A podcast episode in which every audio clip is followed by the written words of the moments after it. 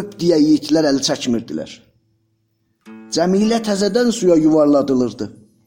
Sonra yenə ıslanmış ağır saçlarını dalı ataraq gülürdü.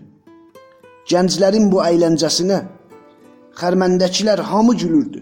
Qoca xərmən sovuranlar kürəkləri bir tərəfə ataraq yaşaran gözlərini silir və onların qara sifətlərindəki qırışlar fərəhlə işıldayır, bir anlığa gəncləşib canlanırdı.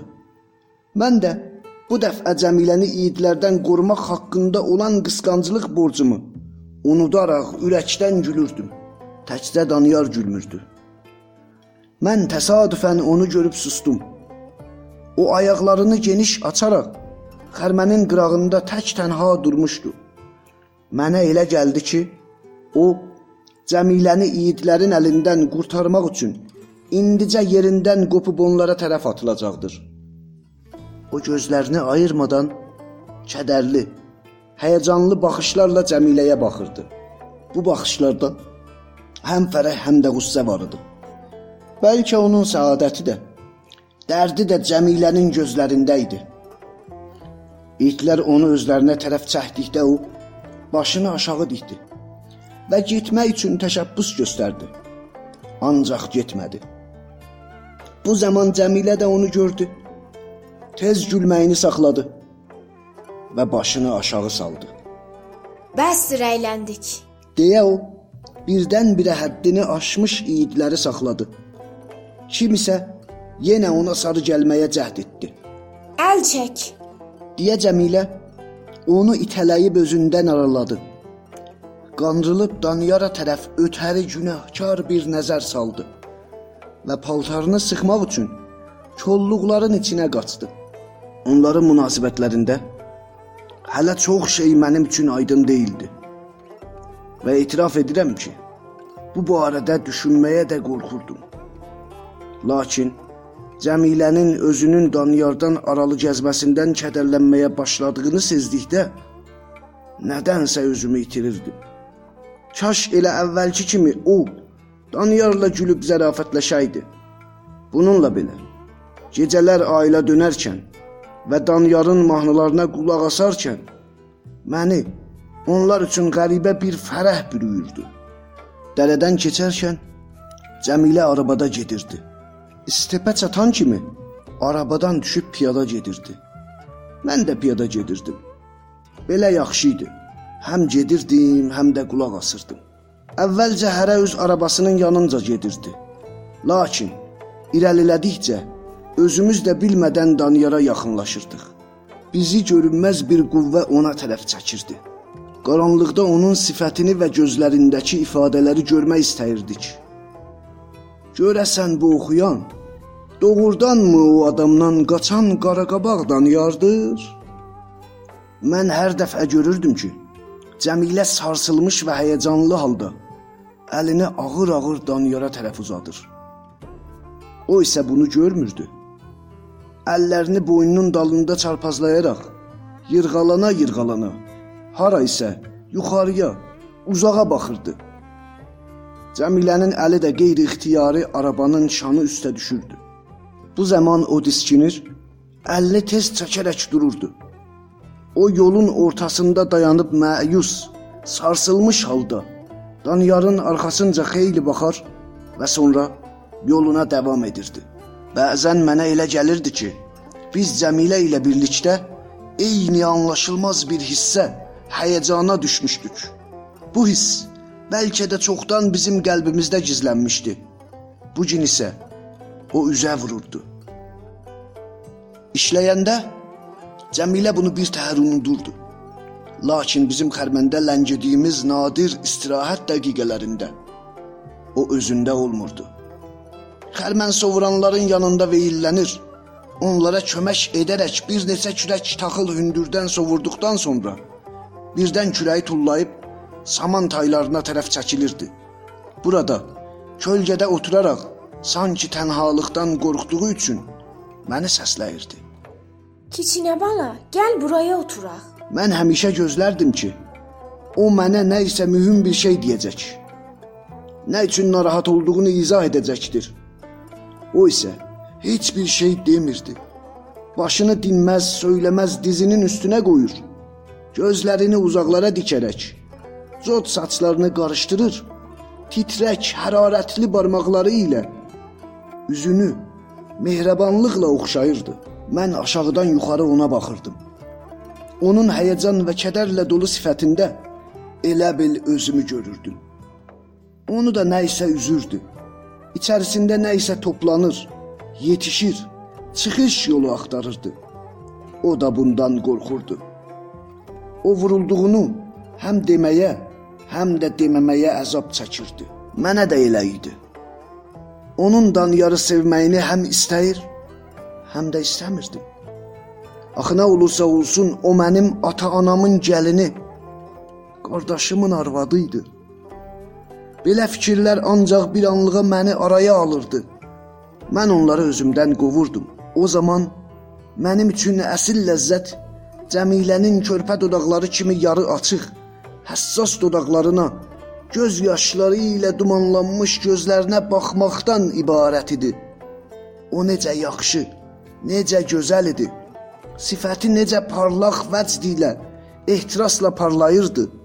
O zaman mən bütün bunları görür, lakin hamısını başa düşmürdüm. İndi də tez-tez özümə sual verirəm. Məhəbbət bəlkə rəssamın şirin ilhamı kimi bir ilhamdır. Cəmiləyə baxarkən istəyirdim ki, istepə qaçıb, hündürdən çığıraraq torpaqdan və səmadan soruşum ki, mən nə edim? Bu anlaşılmaz həyəcanı, bu anlaşılmaz fərəhi özümdən necə rəf edim? Deyəsən, mən bunun cavabını tapdım. Bu adət üzrə Bağzaldan gəlirdik. Gecə düşmüşdü. Göydə ulduzlar topa-topa sayrışırdı. İstəb yatmağa hazırlaşırdı. Təkcə Danyarın mahnısı sakitliyi pozaraq xəfif qaranlıq içərisində səslənir və əriyirdi. Cəmilə ilə mən onun arxasınca gedirdik. Bu dəfə Danyara nə olmuşdu? Onun mahnısında elə xəfif, təsirli bir kədər və yalqızlıq var idi ki, adam ona ürəyə yanır, boğazı qəhərlənirdi. Cəmilə başını əymiş və arabanın şanından möhkəm tutaraq gedirdi. Daniyar təzədən səsini zilə qaldıranda Cəmilə başını qaldırdı və gedə-gedə arabaya atılıb Daniyarın yanında oturdu. O qollarını qoynunda çarpazlayaraq elə bil yerində donmuşdu. Mən yanaşı gedirdim. Azca qabağa qaçarkən yan tərəfdən ona baxırdım. Mən Cəmilənin qollarının yanına düşdüyünü və Daniyara qısılaraq başını yavaşca onun çiyninə qoyduğunu gördüm. Yorğa atqamçıdan diskinib irəli sıçradığı kimi onun da səsi bir anlığa yeni qüvvə ilə gurladı. O sevgi haqqında oxuyurdu. Mən sarsılmışdım. İstep sanki çiçəkləyib ləpələndi. Qaranlıq çəkildi və geniş istepdə iki sevgili gördüm. Onlar isə məni də görmürdülər. Elə bil, mən burada heç yox idum. Mən addımlayır və onların yer üzərində hər şeyi unudaraq, mahnının ahənginə uyğun olaraq bircə yırğalandıqlarına baxırdım. Mən onları tanıya bilmirdim. Bu köhnəlmiş, yaxası açıq əskər idman geyimi geymiş, həmin Daniyar idi. Onun gözləri qaranlıqda elə bil ot tutub yanırdı. Ona qısılıb oturan da mənim Cəmiləm idi. Lakin o sakit və ürkək idi. Kirpiklərində göz yaşı işıldayırdı. Bunlar yeni, həddindən artıq xoşbəxt idilər. Məgər bu xoşbəxtlik deyildimi? Axı Daniyar bütün bu ilham verici mahnıları tamamilə ona həsr etmişdi. Onun üçün oxuyurdu onun haqqında oxuyurdu. Məni yenə də həmişə Daniyarın mahnılarından gələn o anlaşılmaz həyəcan bürüdü. Birdən nə istədiyim mənim üçün aydın oldu. Mən onların şəklini çəkmək istəyirdim. Mən öz fikirlərimdən qorxdum. Lakin arzum qorxudan güclü idi. Mən onları elə bu cür xoşbəxt çəkmək istəyirdim. Bəli, elə bu cür. Olduqları kimi Lakin çəkə bilərəmmi? Qorxu və sevincdən nəfəsim tıxanırdı. şirin bir xiyal aləminə qapılmışdım.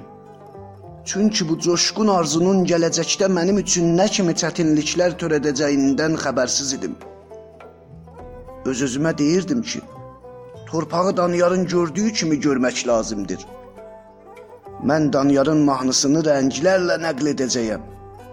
Mənim şəklimdə də dağlar, istib, adamlar, ot, buludlar, çaylar olacaqdır. Mən hətta o zaman fikirləşirdim, bəs rəngləri hardan tapım? Məktəbdə də verməzlər. Çünki onların özlərinə lazımdır. Elə bil, bütün məsələ məhz bundan ibarətdir. Daniyarın mahnısı gözlənilmədən kəsildi. Cəmilə ehtirasla onu qucaqladı və o dəqiqədə geri sıçrayıb bir anlığa duruxdu. Sonra yana çəkilib arabadan yerə düşdü. Daniyar qətiyyətsiz bir halda cilovları çəkdi. Atlar durdu. Cəmilə arxasını ona çevirərək yolda durmuşdu. Sonra başını kəskin bir hərəkətlə yuxarı qaldırıb qanrılıb yandan ona baxdı və göz yaşlarını boğaraq dedi: Hə, niyə baxırsan? Romanın adı Cəmilə. Yazar Tengiz Aytmatov. Çevirən Gılman Musayev. Hazırlayan Fatıma Mir Hasanpur. Bu bölümde seslendirdiler. Rabi Cabir Purbagir Cəmilə Fatıma Nəcəfzadə Düzənləyən Saccad Müslimi Her zamanki gibi bizimle olun, bakışlarınızı bize tattırın. Bizim ahağımızın adresi Dastanca. D A S T A N C Hey,